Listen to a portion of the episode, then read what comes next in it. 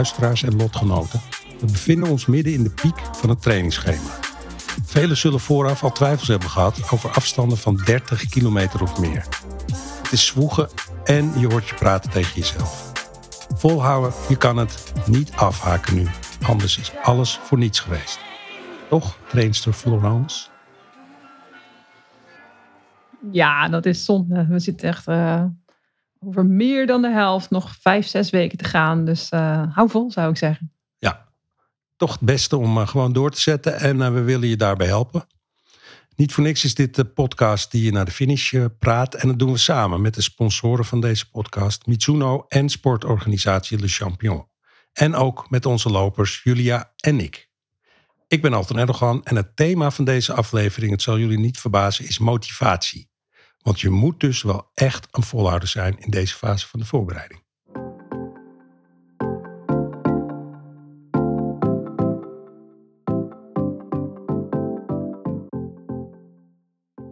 Laten we met goed nieuws beginnen, want je hebt een uh, record gebroken, Julia. Allereerst ben ik echt soort van even een beetje in de wolken dat ik gewoon 30 kilometer heb gelopen. Mijn insteek was vanochtend, ja, ik wil sowieso 25, ik kom net van vakantie, ik ga even kijken. Maar bij 28 dacht ik, ja, die laatste twee ga ik nu niet meer afhaken. De laatste twee of drie wel een beetje op karakter. En um, um, ja, het idee dat ik er nog 12 moet is wel een beetje demotiverend. Maar goed, getting there.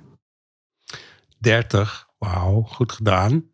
Waar yes. kwam het opeens vandaan? Want je had ook wel daarvoor, niet lang daarvoor, had je een soort dipje.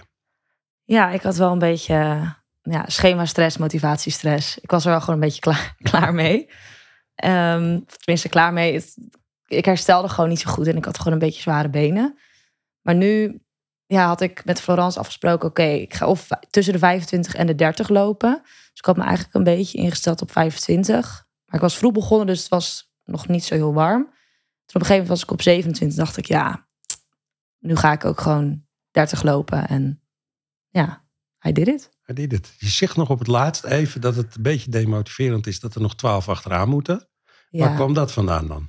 Um, nou, ik was best wel, nou niet kapot, maar best wel gewoon klaar na die 30. Maar ik denk ook maar net waar je op instelt.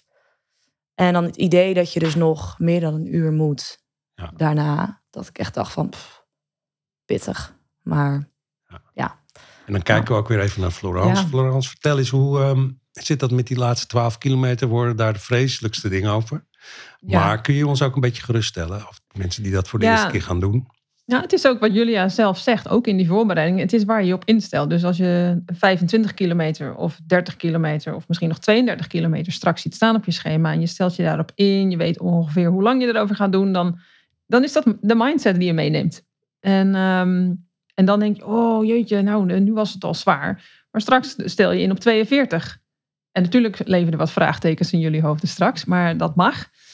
Uh, misschien nog wel leuk, van alle deelnemers die meestal meedoen aan de marathon, um, 93, 94 procent loopt hem uit. Oké, okay, dat is alvast een geruststellend ja. getal. Ja. Is ook leuk, toch? Ja, dat is zeker leuk. Wat ook leuk is, is dat je even op vakantie was geweest. Klopt. Tussendoor naar Spanje. Oh, ja. En um, dat liep wel een beetje anders af dan je dacht. Wat gebeurde er daar? Mijn koffer was kwijt. Dus ik kwam op Schiphol en um, mijn koffer was kwijt. En ik dacht eerst van, nou, het zal wel. Hij staat waarschijnlijk nog in Barcelona. Prima. Zit toch niet zoveel bijzonders in. Totdat mijn moeder me dus een appje stuurde. Oh, je hardloopschoenen dan? Zitten die in je handbagage? Toen dacht ik, nee, die zitten dus oh. in mijn koffer. Dus had ik wel even een um, mental breakdown. Okay. Even gehuild. Maar daarna, toen kwam die man van dat uh, baletje waar ik aangifte moest doen van mijn koffer. Dat mijn koffer op het punt stond om in een ander vliegtuig te gaan. Dus was foutje, denk ik, op Schiphol. Maar goed, ik had hem weer. Dus ik kon in ieder oh. geval weer lopen. Tip voor de volgende weekendtrips? Nooit je hardloopschoenen in je... Ik had nog geprobeerd van, mag ik hem eerder hebben? Want ik moet een marathon lopen, maar... Dus je schema-stress was een beetje weg. Ja. Want je schoenenstress. Kofferstress. Oh, Kofferstress. Waardevolle spullen altijd in je handbagage. Ja. Maakt niet uit wat het is. Ja. ja.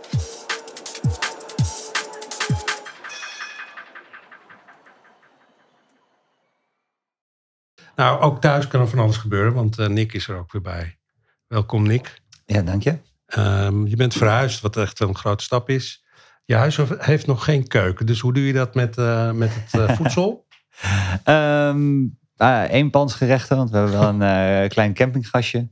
Ehm, en veel buiten de deur gegeten. En veel boterhammetjes misschien ook? Ja, ja, tussen de middag en de ochtend gewoon boterhammen. We hebben wel een koelkast, dus dat, dat scheelt. Dat, je hebt wel getraind. Uh, niet voluit, denk ik. Hoe was dat? Ehm, ja, ik heb wel getraind. Het, uh, ondanks dat mijn Strava het niet toonde, uh, heb ik wel nog een aantal trainingen gelopen. Ehm, en mijn Strava toont het niet omdat mijn telefoon kapot gegaan is tijdens de verbouwing. die heb ik nu wel weer. Eh, dus daar ben ik blij mee. Dus mijn volgende loopjes kunnen, ook, kunnen mensen gewoon weer zien op Strava. Oh, dat is fijn. Dus we kunnen je weer volgen ja, via dat kanaal. Um, als jij dit hoort, hè, Florence, we hebben het al even, even, eerder over gehad. En als je er professioneel naar kijkt, wat zou je dan zeggen tegen Nick? Ja, ik heb ook niks op Strava gezien, dus ik dacht, oh, hoe oh, gaat het met Nick? Um, maar ehm, ja, dus als je wat kortere afstanden hebt gelopen en nog, nog niet uh, rond die 20 zit, uh, zeker nu, dan, uh, dan, wordt het een hard gelach, Nick. Ja, nee, dat, eh, dat begrijp ik. Ja, nee, kijk, ehm, als luisteraars hè, die ook door omstandigheden minder kunnen trainen, als trainer zeg ik dan, we hebben nog nou, je zes weken te gaan. Maar hier in die, in, met die zes weken nog voor de boeg heb je echt wel die solide basis nodig. En als je die niet hebt of, of nog niet op die grote afstanden zit van ja, 25, zoals Julia nu loopt, 30, mhm. ja, dan raad ik het echt wel af om een, uh, om een marathon te lopen. Ja. ja. En wat, wat dan wel? Zou je terug kunnen in afstand? Of? Ja, er zijn natuurlijk ook halve marathons of andere loopjes. Eh, of je, ja, je, je moet echt voor jezelf afwegen. Kijk, de vorige aflevering hebben we het ook over gezond uh, marathonlopen. Volgens mij heb ik gezegd, volgens mij is het hartstikke gezond om een marathon te lopen, maar wel een mits. -hmm. Mits je je goed voorbereidt. Ja. dat is wel belangrijk. En, en lopen, een marathon lopen, doe je door afstanden te maken. Ja. In je professionele kijk op dingen en je hart voor Nick misschien, dat zijn twee verschillende dingen natuurlijk ook. Ja. Dus vanuit je professie zeg je, nou, dat vind ik wel een hele pittig als je dat nu nog ja, gaan doen. Kijk, er zijn genoeg lopers die komen bij mij trainen in groepen en die delen wel eens hun plannen of die zeggen, oh, ik wil dit. Uh, ben ik nog te, te laat? Ben ik te laat om voor een marathon mee te doen? Dus mhm. Ik vraag dan ook altijd een aantal, ik stel een aantal basisvragen. Wat heb je gelopen? Wat is je langste afstand? Welke snelheid loop je? Hoe is het met, met je blessuregevoeligheid en dat soort dingen? En ja, we ken, ik, ken, ik ken je langer dan vandaag natuurlijk, Nick. En ik weet dat je heel sterk bent. Je, je bent super sterk. En ik vind het mega knap hoe je alles combineert zo met die verhuizing, met een kleine. Ehm, en je gaat die marathon doen. En daar heb je die kilometers voor nodig. En ja, als trainer zou, zou, ik het echt afraden. Als mens gun ik het je om, om jou, je eigen plezier natuurlijk ook erin te houden. Maar hoe je dat doet, ik ben wel heel benieuwd wat je, wat je zelf ook kiest om te doen. Ja, wat, wat denk hoe het voor je is nu. Um, nou ja, ik heb wel echt gemerkt dat. Uh, ik had van tevoren niet ingeschat dat. Uh, ik, ik, dacht, ik dacht in, in, eerste instantie toen ik me inschreef voor de marathon. Um, wist ik dat er een kleine opkomst was. Ik denk dat, dat, dat daar kan ik dan, voordat de kleine er is, een solide basis trainen. Dat heb ik ook gedaan. Um, en als de kleine er is, kan ik de trainingen iets verslappen. Um, toen kregen we ook in één keer de mogelijkheid om een, om een woning te kopen. Uh, en dat is in deze huidige huizenmarkt natuurlijk best een bijzonder iets. Um, dus die hebben we met twee handen aangegrepen. En dat, dat, heeft toch iets meer druk op het hele schema, inclusief het, uh, de baby uh, en dan nu ook de verbouwing. Um, dus ik, heb dat van tevoren um, echt wel een beetje onderschat. En zelfs zo dat ik vanochtend met mijn vrouw ben gaan zitten en wel even een heel goed gesprek heb gehad over wat we nu gaan doen. En ik, ik wil gewoon de marathon lopen. Dat, dat is voor mij dat, dat, dat staat vast. Dus uh, geheel tegen mijn eigen natuur in heb ik vanochtend een planning zitten maken. Nou, zeg. ik heb een planning zitten, tenminste, mijn vrouw heeft de planning gemaakt. Ik heb ernaast gezeten, laat ik dat voorop stellen.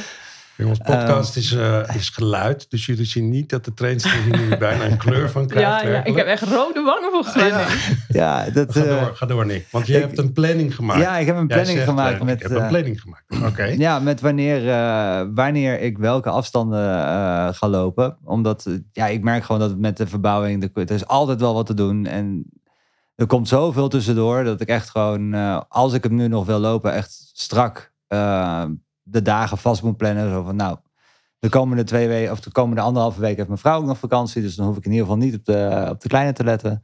Dus daar wil ik nog echt even goed gebruik van maken. Hoe vind je het dan als ik zou zeggen als trainer, ja, ik zou het je gewoon afraden?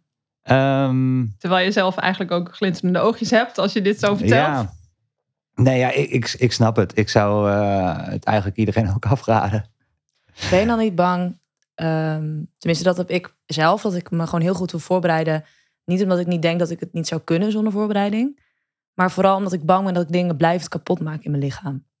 Snap je? Um, ja, ik snap heel goed wat je bedoelt. Ik, eh, ik heb wel um, ook in het verleden met andere wedstrijden, ook met longboarden en uh, met, met vallen en, en blessures die ik heb gehad door het skateboarden, longboarden, uh, fietsen, wel altijd gemerkt dat ik vrij snel herstel. en ik heb nog nooit echt door inspanning, wel door, door ongelukken, maar niet door inspanning, blijvende schade aan mijn lichaam toegebracht. Omdat ik altijd wel weet van nou, als ik nu nog doorga, dan wordt het echt kritiek. En, en ja, longboarden is natuurlijk wel minder maar belastend voor waren dingen waar je ook acht uur lang zeg maar achter elkaar ging longboarden, geloof ik, of niet? Uh, ja, 24 uur, ja. Oh, 24. Ja, ja. Dat, 24. Okay. Dus nee, ik, ja. ik, ik, weet heel goed waar mijn eigen grenzen liggen. En ik zou een ander um, ook niet specifiek aanraden om, om, om, deze aanpak te doen. En ik had van tevoren ook niet deze aanpak willen hebben. Nee. Nee, okay, ja, don't kijk, try this at het, home, het is natuurlijk, Eigenlijk zie ik het ook een beetje als, als, als een vakantie. Weet je, je boekt een vakantie, dus een stukje voorpret, nou, tussen aanhalingstekens. Maar je bereidt je ergens op voor. Waar ga ik heen? Wat heb ik nodig? Uh, met wie? Uh, mijn reisschema. Maar dat geldt ook voor een marathon. En, en ja, dat is A, leuk om die aanloop te hebben. Maar B, het helpt je om straks succesvol over die finish te gaan op een manier waar, waar je je prettig bij voelt. En los of er nou een tijdsdoel is of gewoon uitlopen. Um, voorbereiding en zoveel mogelijk uitsluiten van onverwachte dingen, die gaan je wel helpen. Ja, als, als trainer ja, vind ik het uh, zelf lastig. Ik kan je daar weinig advies in geven, want ik, ik nogmaals, ik, ik. ik, vind het echt af te raden. Dus uh, ergens ben ik nieuwsgierig wat jullie in elkaar hebben gepuzzeld. Maar ja, het staat natuurlijk open en, en ik, ik wil je helpen met uh, technische vraagjes die je hebt, maar schema aanpak daar zou ik dan een rood kruis even voor mezelf doorzetten. Even dat ja. Nick. En ja. voordat we het afronden, want je gaat er gewoon voor, laten we dat uh, zeggen. En je ja, hebt zeker. om er vol zeker. voor te gaan. Zeker. Dus dat is één. Um, aan het einde hè, van zo'n trainingsschema, uh, daar komen we straks nog even op terug, uh, heb je zoiets als taperen. Dat betekent eigenlijk dat je vooral veel rust pakt om je lichaam weer te laten herstellen van die trainingen. Mm -hmm. En jij moet nog een paar lange afstanden ja. combineren daarmee. Dus ja. ga je daar zelf goed naar kijken hoe je dat. Uh... Um, ja, ik heb van, voor morgen een, uh, een lange afstand uh, gepland, morgen vroeg. Um, en daaraan, na, naar aanleiding van die afstand, ga ik ook kijken um, hoe snel ik weer op kan bouwen. En, je test hem, je gaat jezelf ja. ook even testen. Ja, okay. gewoon echt kijken hoe ver, hoe het voelt en hoe ver ik kom. En, heb je telefoon bij je? Ja. Oké. Okay. Routeplanning gedaan.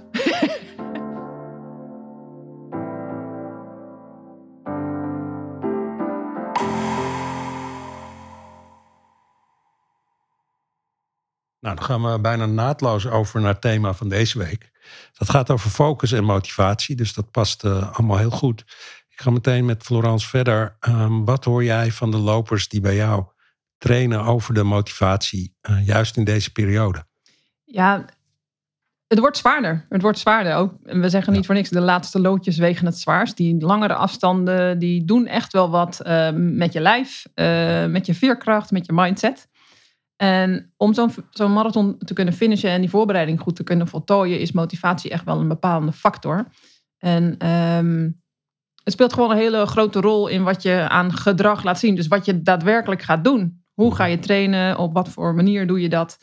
En uh, hoe sterker je motivatie is, waar die dan ook vandaan komt, hoe groter de kans op succes straks. Ja. ja. Dan zijn er ook nog al die afleidingen waar we in het begin nog misschien wat losser mee om konden gaan. Dat is nu extra ingewikkeld. Ja. Dat... Om, om ze buiten de deur te houden, of het nou een festival, feestje of ander ding is. Voor sommige mensen wordt het makkelijker, omdat ze in het begin er al vroeger mee hebben geleerd hoe ermee om te gaan. En dat, die kunnen dat vasthouden. Maar we zijn allemaal anders eh, en uniek. Dus ieders motivatie en aanpak daarin is, is anders. Maar wat het voordeel is, jullie hebben in de voorbereiding nu wel natuurlijk ook vaardigheden aangeleerd. Dus dan gaat het vaak wat makkelijker. Uh, je hebt meer kennis, je weet meer wat je kunt verwachten. Dat helpt ook om je wat zelfvertrouwen te geven en daardoor kan je motivatie ook weer wat groeien. Maar het blijft natuurlijk zwaarder deze laatste weken. Zeker, want ikzelf, daar komen wij straks ook nog even op terug. Loop niet van die hele lange afstanden, maar 30 kilometer, alles bij elkaar, voorbereiding en de hele mikmak, ben je ook veel tijd kwijt natuurlijk aan dat soort activiteiten. Dus het slokt ook echt veel tijd op. Um, dat moet je ervoor over hebben, denk ik. Is dat, is dat het simpele. Ik, ik wou bijna zeggen, ja, dus, althans. Ja. nee, dat is het. En dat is dus ook deel van die voorbereiding. Besef ik me waar ik ja tegen zeg. Ja. Als ik dan voor die marathon ga, besef ik me dan dat ik daarvoor wil trainen. Besef ik daar dan dat ik uh, 20, sommige 30 weken lang, uh, drie, sommige vier avonden per week of keer per week, een training doe. Besef ik me dat die uh, zondagochtenden langer worden en dat ik die op een gegeven moment helemaal uh, toewijd aan een lange afstand uh, duurloop. En wat voor tips, als je die al hebt, hè, kun je dan aan lopers geven om ze er toch doorheen te helpen? Wat is jouw motivatiespeech als je die al houdt? Ik, ik, zou bijna zeggen, het is breintraining eigenlijk. Hè? Oh ja. Het is breintraining. Want motivatie, dat komt natuurlijk ook voort uit gedachten die je zelf hebt. Oh, het is zwaar, ik red het niet. Of oh, ik heb moeie benen. Het zijn gedachten. Maar je bent niet je gedachten. Dus je kan ook de andere kant op redeneren. Um, meer in het nu blijven. Let op je techniek. Um, er zijn zat tips. Uh, denk aan die finish. Denk weer aan waar je het voor doet. Um, focus inderdaad op je techniek. Dan, want je kan maar aan één ding tegelijk denken of mee bezig zijn. Je aandacht kan je maar op één ding richten. Dus mhm. als je op techniek richt, dan heb je niet meer die gedachte van het is zo zwaar. dat geldt niet alleen voor dat laatste deel van het schema, maar ook misschien als je hem loopt. Zeker, zeker. Dus ja, daar nog belangrijker. Uh, rond de 35 kilometer denkt, ah. Ja. Wat denk je dat de grootste afleider is bij marathonlopers? Afleider? Kijk ook even. Afleiders? Ja. Doe je? Wat is de grootste afleider? Publiek? Misschien? Hey, ja. Ik hoop dat, dat, die jullie wel opzwepen. Dat, ja, dat heb ik wel de hele tijd als ik nu aan het lopen ben. Dat ik denk, tijdens een marathon hoop ik dat er gewoon zoveel publiek staat en heel veel vrienden ingelicht. En ik hoop dat ze gewoon overal een beetje dat dat me wel er doorheen sleept. Maar naast publiek, wat, wat denk je dat de grootste afleiding is in je voorbereiding of tijdens zo'n dag? Waardoor het lastig wordt. Waardoor het lastig wordt. Je eigen gedachten? Ja, je bent het zelf. Mhm. Je bent het zelf. Het, kan, het, ligt niet aan je schoenen, het ligt niet aan, aan het publiek, het ligt niet aan, aan het weer jij bent degene die zo denkt over het weer of zo ermee omgaat. En daar heb je een keuze in. Kun je moeheid in je benen denken? Ja, het zit er natuurlijk ook, mhm. moeheid. Maar je um, maakt zelf, je bepaalt zelf en je vult zelf in hoe moe of hoe zwaar of dat je nog een stap wil zetten of niet. Ja, en hoe lang je het daarna nog volhoudt. Ja, ja. En er is een verschil tussen Hè, waar we het vorige, week, vorige keer over hebben gehad, over blessures en goed contact mhm. blijven houden met je lijf en wat je voelt. Maar je, je beseft je ook, eh, ik heb er zelf ook wel tijdens training dat ik denk, ga voor geen meter vandaag, eh, mijn benen willen echt niet. Tuurlijk heb ik die gedachten ook zelf.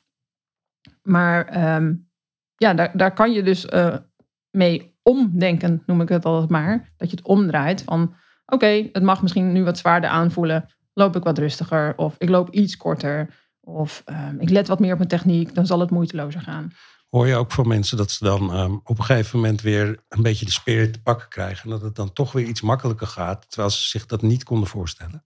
Ja, wat je vaak ook ziet tijdens een duurloop. De meeste mensen plannen ook een soort routetje uit. Of die hebben een bepaald rondje dat ze een aantal keer lopen. En als ze mhm. dan, ja, ik zeg altijd als ze de stal ruiken, gaan ze ineens weer best wel hard. Ja, dat zie je wel. Uh... Maar ook dat is een soort mindset of een gedachte.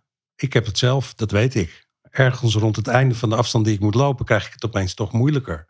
Omdat je tegelijkertijd ook weet dat het bijna afgelopen is, gek genoeg. Dat, Zo werkt het bij mij af en toe. Ja. En dan moet ik ook wel even doorpushen. Ja. Terwijl bij sommige langere afstanden weet ik dat het die afstand weer is. En dan heb ik geen last meer op die afstand waar ik de vorige keer dacht. Gewoon omdat het langer is. Ja, ja. Ja, kan je nagaan hoe dat, hoe dat, dat brein dus werkt. Gedachtes. Ja, dat zijn, dat zijn echte gedachten inderdaad. Dus uh, het helpt om ja, je daar ook een beetje mentaal op voor te bereiden. Ja.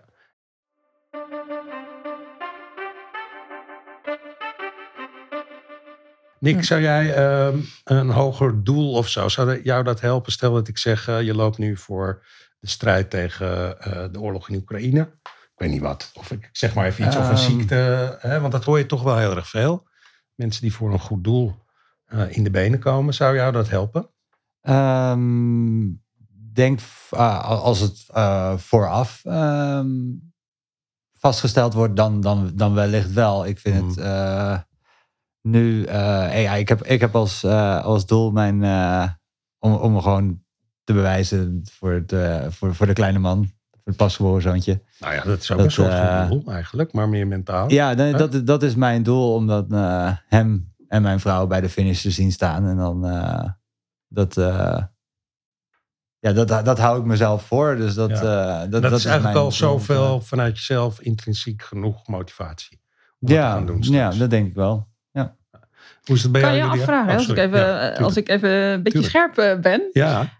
Je hebt intrinsieke motivatie en extrinsieke motivatie. Dus intrinsiek is echt als het vanuit jezelf komt, omdat ik het super graag zelf wil om die marathon te lopen. Mm -hmm. uh, heb je geen externe stimulans nodig wat, wat ik jou ook deels hoor zeggen is van ja, ik vind het super leuk om straks als ik daar finish, de, mijn en die kleine. En dat is ook fantastisch. Maar stel dat dat, dat is natuurlijk een externe stimulans. Dus stel dat het nou uh, ja, net dat er uh, iemand ziek wordt of die kleine is even niet fit. Of, en dan staan ze die dag niet bij die finish. Dan moet je ergens iets vandaan uit jezelf ook halen. Of je moet het je verbeelden. Om er toch voor te blijven gaan, snap je? Ja, nee, dat, dat zeker. Nee, maar omdat het altijd het aangaf voor, voor is er een, een, zou je het voor een doel of iets dergelijks kunnen doen? Dat, dat, dat is eh, een van de dingen waar ik uh, heel erg naar uitkijk straks. Uh, maar in principe heb ik mezelf ingeschreven voor de marathon, omdat ik gewoon zelf heel graag voor mezelf wil bewijzen van, uh, ja, kijk, dit, dit kan je ook. Ja. Ja, jullie, het kunnen ook externe dingen zijn zoals de schoenen, die per ongeluk nog in de koffer zaten, die nog op Schiphol ergens achterbleef. Heb jij daar dan last van die motivatie dat die dan even helemaal inzakt? Omdat je denkt, ah, zonder schoenen? Um, nou, op dat moment had ik het wel even dat ik dacht van, ja. ja, shit, als ik mijn schoenen niet heb, hoe ga ik het dan doen? Ja. Heb jij externe dingen nodig verder? Bijvoorbeeld, uh, we hebben het vaker over je opa gehad, die dan misschien in gedachten um, meerent met je of zo. Is, helpt dat? Mm, ja, het helpt wel, maar ik ben wel heel erg eigenlijk heel egoïstisch altijd met mezelf bezig. En ik merkte ook met, of egoïstisch, ja, ja valt eigenlijk wel mee. Maar mm-hmm. ik merkte ook bij die 30 kilometer dat ik echt bij 28, die laatste twee deed ik wel een beetje op karakter. Dat ik echt dacht, wow, mijn lichaam is zo sterk dat, dat ik dit gewoon kan. En ik kan eigenlijk nog wel verder, want mijn lichaam kan het toch wel aan. En het is toch een beetje. Heb je dat wel geholpen over een soort doodpunt heen? Ja, een cliché, wel. maar dat. Ja, ja, dat ik denk, ja, dat kan ik wel denken dat ik het niet kan, maar je lichaam kan het toch wel. Dus dat is echt weer dat mentale. Um, ik doe het eigenlijk wel heel erg voor mezelf. Dat ja. ik gewoon aan mezelf, dat ik gewoon heel erg trots op mezelf kan zijn ook. Ja. Is dat het doorzettingsvermogen, Florence? Is dat trainbaar of staat dat vast bij iedereen? Um, doorzettingsvermogen. Ik noem het ook wel, wat ik, als het gaat om motivatie, noem ik het ook wel een groeimindset. Mm -hmm. vanuit de theorie, is misschien wel leuk voor de luisteraars. Carol Dweck, die is daar echt een goeroe op dat gebied. Niet alleen op lopen, hè, maar op alles waarin je gedrag wil veranderen. Je hebt een fixed mindset, dus dan denk je eigenlijk vast, nou, dat gaat niet lukken, of daar ben ik al geweest, of dat, dat, dat, dat gaat niet goed. Of je kan in mogelijkheden denken en dan heb je meer een groeimindset. En die kun je aanleren, um, deels door uh, ja, meer bewustzijn te krijgen van hé, hey, maar wat denk ik eigenlijk wel? Klopt dit wel wat ik denk? Wat, wat Julia net ook zegt. Uh, jezelf complimenten geven of positieve feedback geven aan jezelf. Um, ook um, scherp zijn in wat je kunt, je vaardigheden opbouwen. En, en je mag jezelf ook best wel wat uitdaging geven om te zien, hey, ja, ik kan dit wel, ik kan dit. Dus, het, dus kleine stapjes van meer kilometers toevoegen helpt. Zou het cliché ook waar zijn dat je toch veel meer kan dan je denkt? Ik kijk ook even naar Nick, want als jij zegt ik ga 24 uur op zo'n bord staan, dan uh, haak ik al na een uur, als ik al op zo'n bord kan staan, haak ik al af. En ik vind het ongekend veel. Heb jij jezelf daar uh, ook in getraind of ben je het gewoon gaan doen? Uh, nee, ik ben het eigenlijk gewoon gaan doen. Ik heb, ik, ik heb eigenlijk vanaf kleins af aan al wel dat ik, als ik voor mezelf besluit van dit ga ik doen, dan, dan doe ik het ook. En dat, dat is echt uh, een mentaal dingetje wat al vanaf jongs af aan bij mij erin zit. Ja. Dat, uh, en dat, dat heeft ook niet altijd goed uitgepakt hoor, maar dat... Uh... Nee, want andersom, hè, dat gaat niet per se over Nick Florence. Maar het kan ook zijn dat je jezelf over de grens pusht. Omdat je denkt, ik kan het, ik moet het. Hè? Ja, Vanuit het idee, ik kan toch nog wel verder dan ik denk. Ja. Dan kun je ook net dat grensje overgaan misschien de blessure of iets anders oploopt. Kan. Ik zeg altijd wel, het lijf praat eerder dan het hoofd Dus je Mhm. voelt eerder aan als er echt iets mis is. En als je goede voorbereiding hebt gedaan, voel je echt wel het verschil tussen oeh, dit is even zwaar of oeh, dit is niet goed. Dit is echt een, eh, nou, een, eh, hoe heet dat eh, in fysiothermen, zo'n acute poep, dat er iets scheurt, een spierscheuringje. Mhm. Dat je moet stoppen of dat, dat je echt niet lekker voelt. Ja, dan is het natuurlijk verstandig. En moet je niet denken, nou, het is maar een gedachte. dan moet je gewoon goed naar jezelf blijven luisteren, tuurlijk. Ja. Ja. Luister goed naar het fluisteren van je lichaam. Ja, het fluisteren van je lichaam. Fluisteren, nou ja, dat is, het dat is wel waard. Nee, dat klopt. Maar je moet er wel goed naar luisteren, want Ja. anders... Wat bij mij ook nog wel, het is wel een grappige motivatietip van mij. Wat ik heel erg merkte. Ik had echt een super lekkere reep gekocht voor onderweg. Een toffee, eh, reclame, karamel, chocolade Nee, reep. Nee, ik, maar Nee. Dus toen had ik van mezelf, nou, na, na 15 kilometer mag ik, of ga ik die eten, precies op de helft. En eh daar had ik zoveel zin in dat ik na 10 kilometer dacht, yes, over 5 kilometer mag ik hem. Dus dat kan ook nog hel- helpen. Gewoon iets lekkers kopen. Nou, het helpt zeker om, Ja. om ook een soort ritme. Ik heb het eh, bij het drinken geef ik ook altijd de tip van elke vijf kilometer even wat drinken. Ja. En dan, dan sommigen kijken heel erg op een klok. Oh, mag ik al drinken? Mag ik al drinken? Maar het helpt ook om daar wat, eh, wat mijlpaaltjes voor jezelf. Ja, of het nou die zo reep is voelde die je wel, ja. krijgt. Of dat het inderdaad een toeschouwer of een supporter is die je op eh, gezette Mhm. kilometers langs het parcours hebt eh, neergezet voor jezelf. Ja, dat Ja. motiveert natuurlijk ook. Ja. Dat, Ja. dat, daar moet je, zeker al voor zorgen. eerder Julia met je vader uitgeprobeerd. Hè? Die je dan ook Ja, van... eh, elke keer drinken gaf, Drinken inderdaad. voorzag. Ja. Ja, helpt onder- dat? ja, vond ik ook wel. Ik hou gewoon heel erg van eten en drinken. Dus dat is wel fijn dat je dat dan tussendoor kan doen. Ja, Je weet het al, ja. er moet een barbecue komen in het Olympisch Stadion. ja. En dat we dan voor jou alvast de dingen doen. Nou, wat, Ja. wat zeker goed is ook om naderhand, want dat sterkt je vertrouwen, je, je, je, inderdaad je intrinsieke motivatie. Dus om naderhand, na zo'n training, ook te zeggen, jeetje, dit heb ik gewoon goed gedaan. Ik ben Ja. best trots op mezelf, ook al was het zwaar. Dat, dat stimuleert nog veel meer. eh, Ja. eh, naast de nou goede tip van jou, Julia, die reepjes en die vaste momentjes tijdens je voorbereidingen.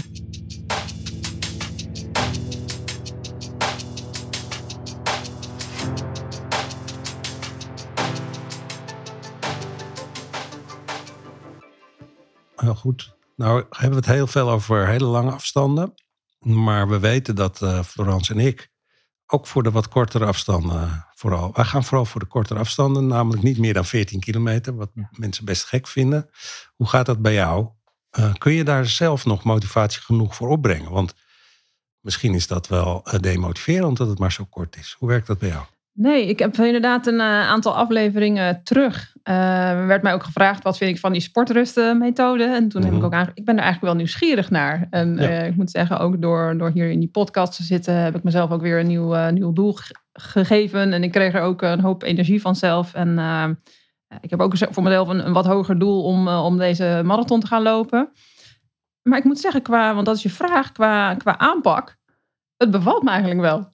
Hoe komt dat? Nou, het zijn eh, natuurlijk kortere loopjes, maar het is, niet, het is niet lichter. Want het is echt wel op een hogere intensiteit dat je die afstanden loopt, die 12 en die 14 kilometer. Dus het is niet makkelijk.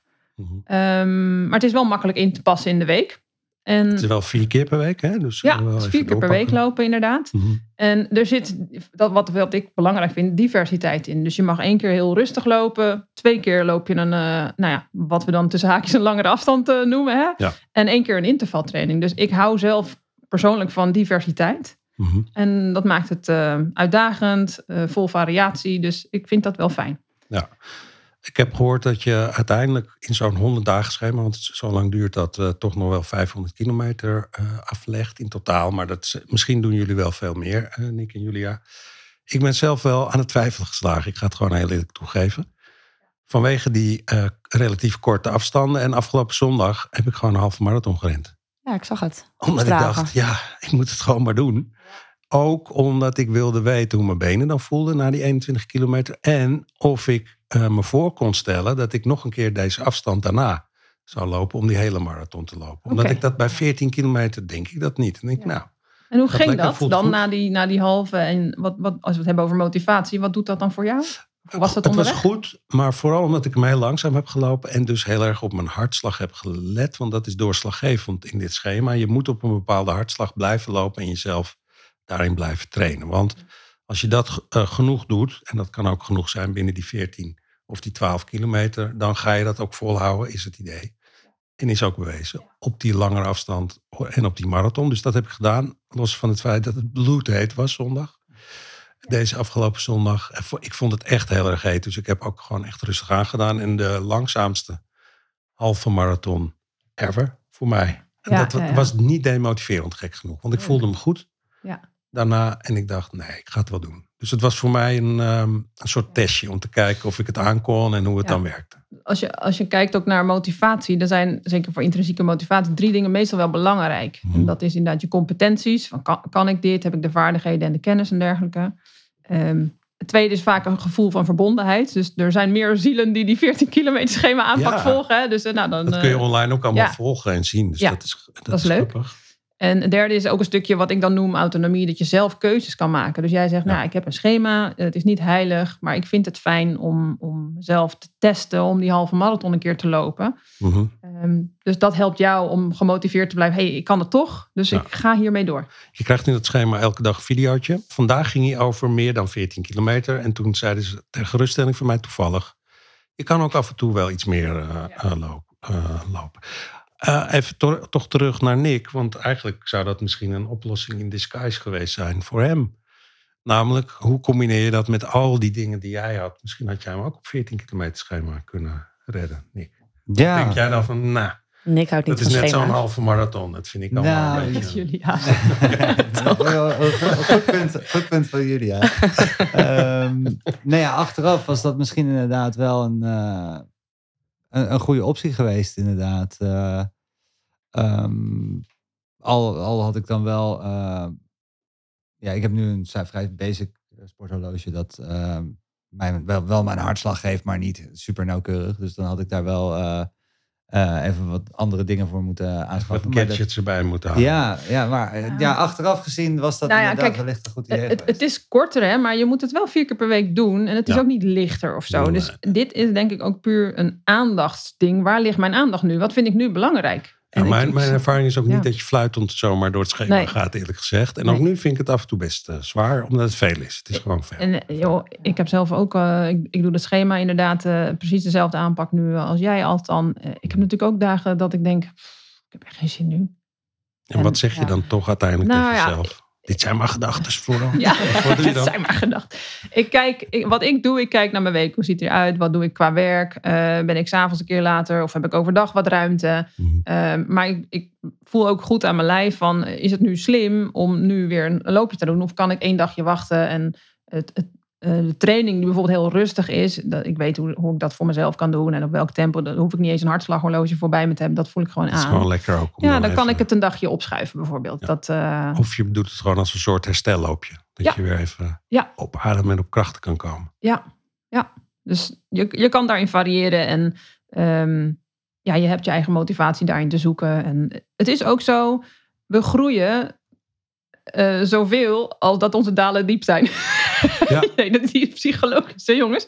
We groeien zoveel als het onze dalen diep zijn. Nee, en dat betekent eigenlijk, als je met tegenslag weet om te gaan, of als het even een weekje uh, minder lekker gaat, of die temperaturen schieten de lucht in en het is te warm te lopen. Geen enkele week is hetzelfde. Dus als het even niet lekker ging en je weet daar weer mee om te gaan, de volgende week gaat het weer beter en daar haal je dan ook weer motivatie uit. Je had net een naam genoemd van een uh, deskundige die iets goeds vertelde over motivatie. Hoe schrijven we dat voor de luisteraars? Ja, die denken, ga ik even eh, opzoeken. Dat is een, uh, een professor, een dame uh, in, uit Amerika, Carol Dweck, D-W-E-C-K. Nou, dat gaan mensen vinden online. In de show notes. Ja.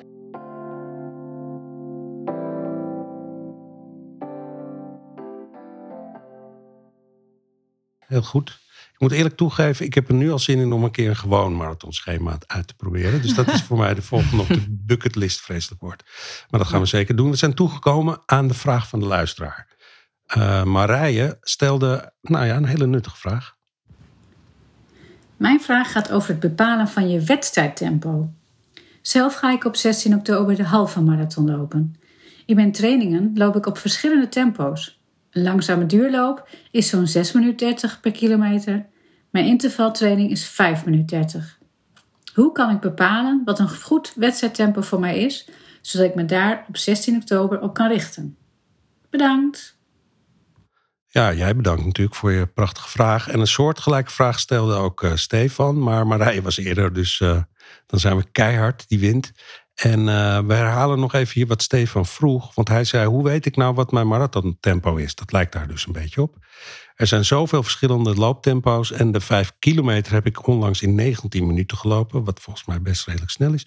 En mijn duurtraining in het weekend loop ik uh, in ongeveer 5,20 minuten. Dus uh, 5 minuten en 20 seconden per kilometer. En dat is een verschil van 1 minuut en 20 seconden per kilometer. Ik vind het wel lastig op welk tempo ik zou moeten starten tijdens de marathon, uh, zegt hij en vraagt hij ook. Florence, marathontempo, daar valt veel over te zeggen. Als je nou de extreme zeg maar hoort, wat zij jou voorleggen, of wat ze ons voorleggen, wat denk je dan? Ja, al die cijfers die je net hoort, laat je niet door gek maken. Wat, wat je eigenlijk hebt, is je hebt grofweg vijf zones waarin je kan lopen. En als je een goede marathon aanpak hebt, heb je inderdaad een zone 1 training, zone, zone 2, 1, 2 training, een zone 3 training en 4 is interval. Wedstrijd, afhankelijk van de afstand, loop je die op uh, 3, 4 of 5. Dus als het om een marathon gaat, loop je hem in duurloopzone 3. En um, je kan daar natuurlijk in het begin van je, van je um, voorbereiding, net als Julia en ik, een, een, test voor doen, waarin die, die zones worden bepaald voor je, die snelheidszones, hartslagzones. Um, maar als je dat niet hebt gedaan, kun je dat ook aanvoelen. Dus uh, Marije bijvoorbeeld, die een duurlooptempo uh, liep. Even kijken, 6, welk, van 6,30. Um, daar kan je van uitgaan dat dat zone 1, zone 2 tempo is. Grofweg. Daar, dat zou een tempo moeten zijn waarbij ze ook makkelijk kan blijven praten. Uh, als het niet zo is, moet je iets rustiger lopen breien. Uh, maar de intervaltrainingen loopt een stuk sneller. Dus dat is op 5,30, dus een, een, minuut sneller. En dat klopt ook wel weer. Of, nou ja, de, de tijden, het is niet uh, zo specifiek dat er een minuut bij moet zijn. Mhm. Maar dat is een, een zone 4 training. Nou, je marathon loop je eigenlijk, de meeste marathonlopers lopen het tempo uit uh, tempozone 3. Mm-hmm. Dus dat, dat zit daar dan tussenin. Ja. En als je dat niet zo goed weet of te veel op dat klokje kijkt, en, en dat springt soms ook alle kanten op. Uh, als je een, uh, een brug afloopt, ga je weer wat sneller. En ik ga te snel, ik ga te lang. Let ook op je gevoel. Het is een Ja. tempo waarbij je gewoon ehm, ja, prima nog halve zinnen kan uitspreken, soms een hele zin. Eh, dat, moet- dat moet prima lukken. Eh, je kan die, die marathon ook uitlopen wat rustiger, waarin je wel eh, lekker, lekker babbelt met de buurvrouw met wie Ja. je dat van plan bent om te lopen. Loop je iets rustiger, ja, dat, eh, dat kan, ook, kan je ook voor kiezen. Ja. In principe loop je het op een tempo die tussen je interval en je, en je duurlooptraining in zit. Ja. En dat is dus voor iedereen verschillend. Ja. En dat klinkt een Ja. beetje dom om het te zeggen, maar ik zeg het toch maar even. Je kan niet zeggen, dit is marathontempo voor iedereen. Zo werkt dat helemaal Nee, niet. en, en sterker nog, bij Marije verschilt het een minuut hè, per, bij het Mhm. interval en dat duurloop. En bij eh, Stefan zat daar eh, ongeveer anderhalf minuut tussen, tussen zijn Ja. wedstrijdtempo op een vijf kilometer. Dat loop je bijna zone 4-5. Ja. Dus het is niet per definitie dat dat bij iedereen één minuut of anderhalf minuut verschilt. Dat kan Ja. wat uit elkaar liggen. En als we het over hartslag hebben, kun je zeggen: probeer niet over je omslagpunt, daar hebben we het eerder over gehad, eh, eh, marathon te lopen, want dat gaat hem nooit worden. Nee, want dan, ga je eh, verzuren en het gaat snel. Dus wat je op de vijf kilometer doet, even dat, moet je vooral niet op je nee, 42 dat- kilometer. Dan zet je echt te hoog in. Dan zet je Ja. echt te hoog in. Ja. ja.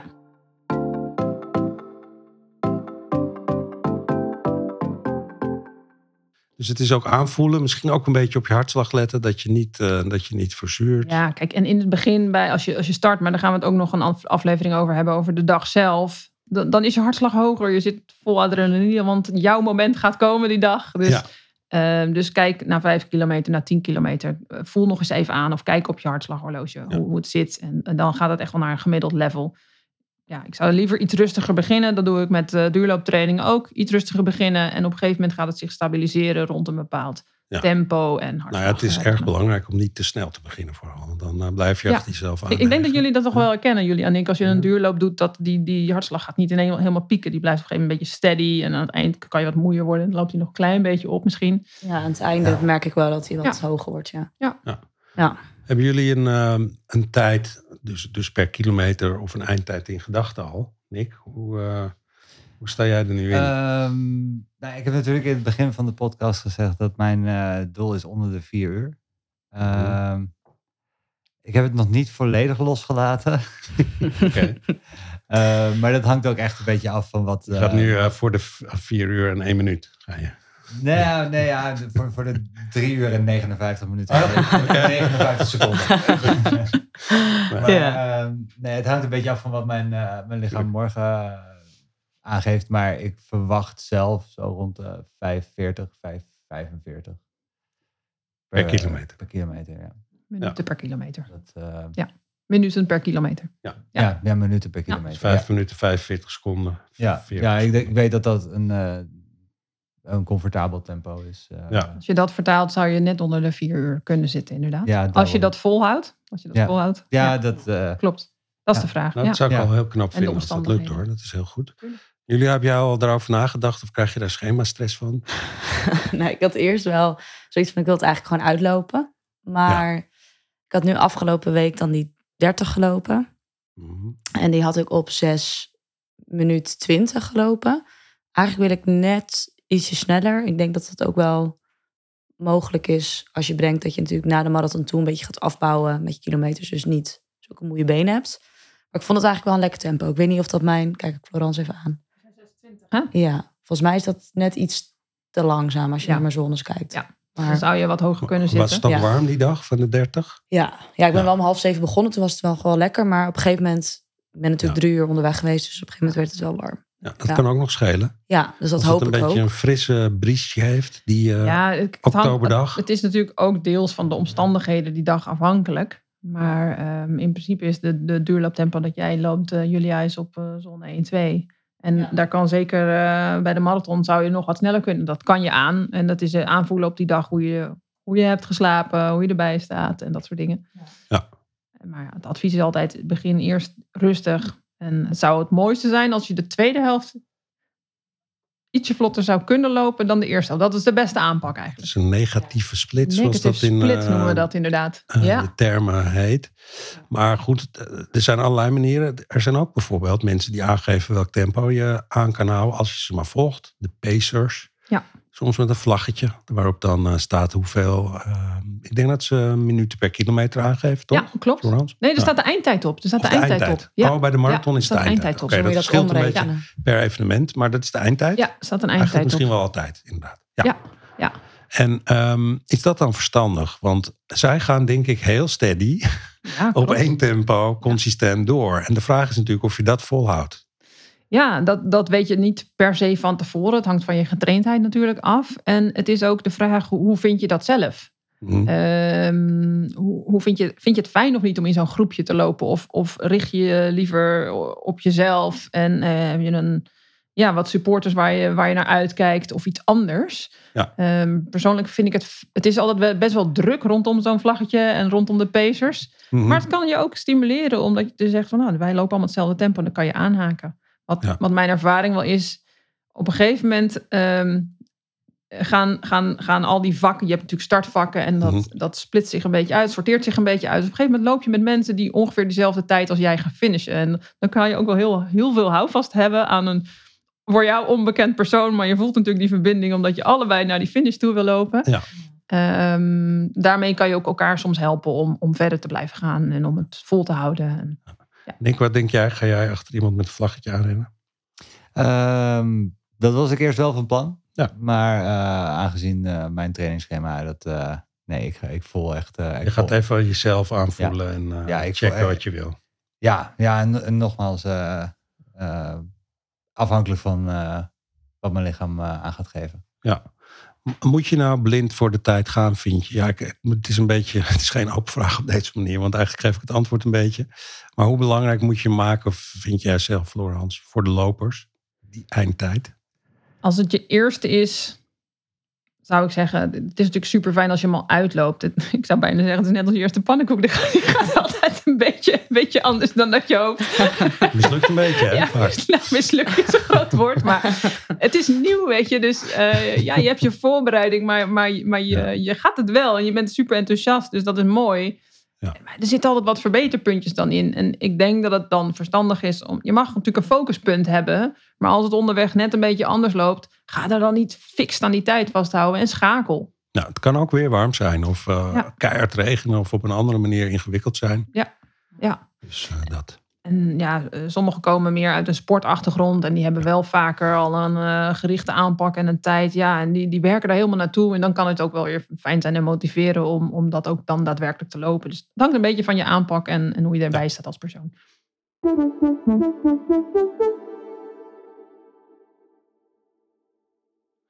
Nou, dat waren weer mooie ingezonde vragen. Hartelijk dank, uh, Stefan en uh, uh, Marije.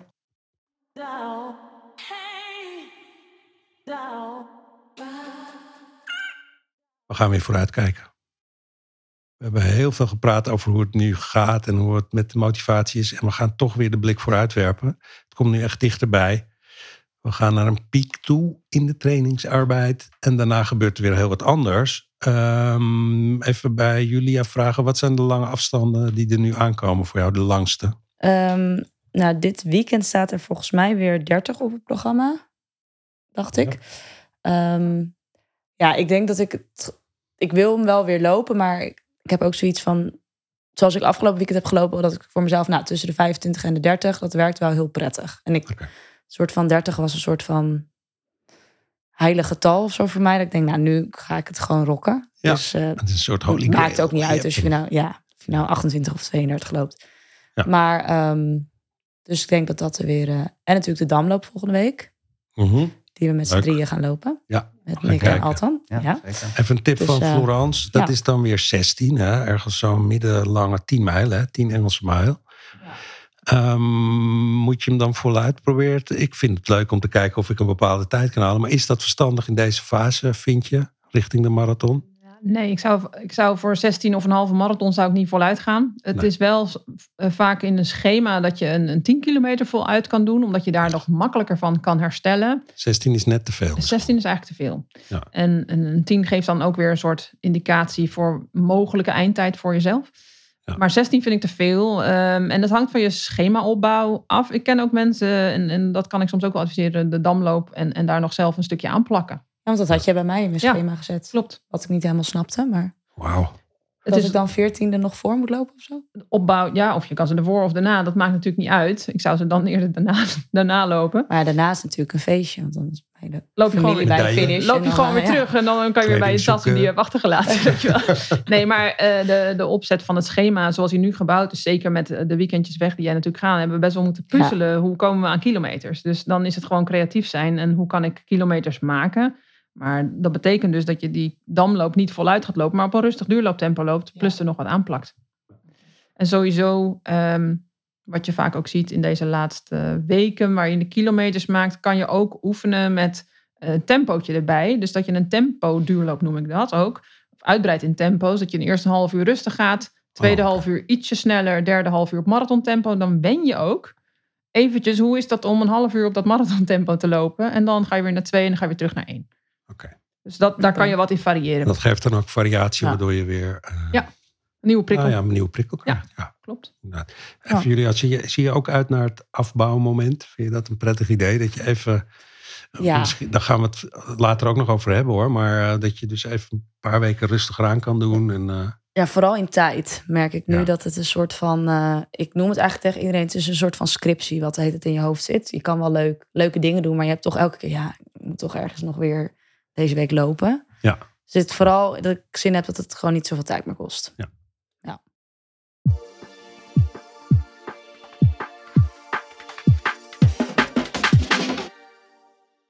Dan kijk ik ook even vooruit, want dat gaan we doen naar de volgende aflevering van mijn eerste marathon. En in die aflevering gaat het daarover. Het gaat over het uh, begrip taperen, zoals dat uh, heet het langzaam afbouwen hè, van je trainingsschema en uh, het hoe en het waarom en waarom het zo goed is. Um, Florence, wat kun je daar nu al over zeggen? Behalve dat het lekker is om uh, even rustig aan te doen.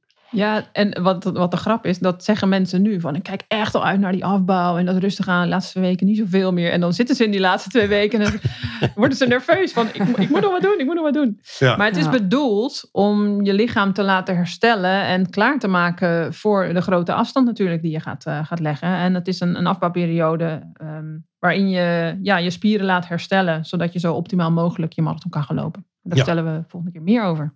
Ja, dat is heel erg interessant en belangrijk. Ja. Nick, we hebben het net gehoord. Jij gaat het iets anders aanpakken. Je gaat eerst testen, even kijken hoe je ervoor staat. En dan uh, ga je er volop in. Uh, zo kennen we je ook. Je gaat er wel voor uiteindelijk. En uh, jouw laatste weken voor de wedstrijd, heb je wel ongeveer het gevoel wat je gaat doen? Want je gaat hem niet zes, je gaat niet zes dagen per week lopen. Nee, nee, ik ga niet wat denk je? Gewoon drie keer proberen of drie of vier keer? Of... Ehm, toch wel richting de vier keer. Okay. Um, ook omdat de, de, afstanden moeten er gewoon uh, nu wel komen.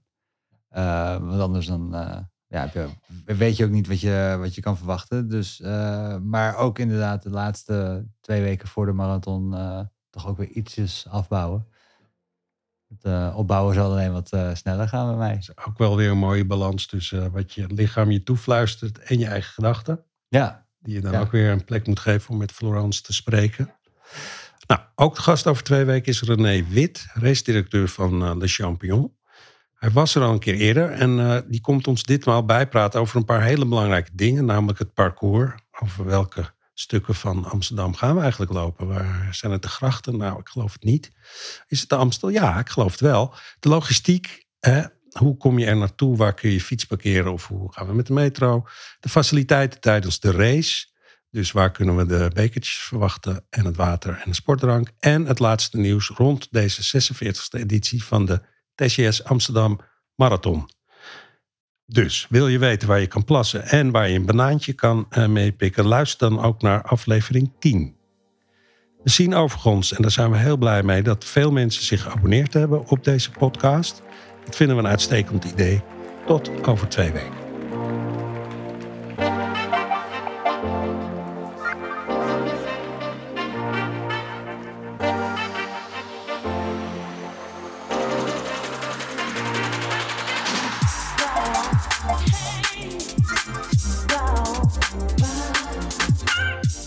Deze podcast is een productie van Next Episode. Audiodesign werd verzorgd door Studio Cloak. De eindredactie was in handen van Remco Thomassen. Ik ben Altan en ik zeg: blijf lopen, blijf luisteren.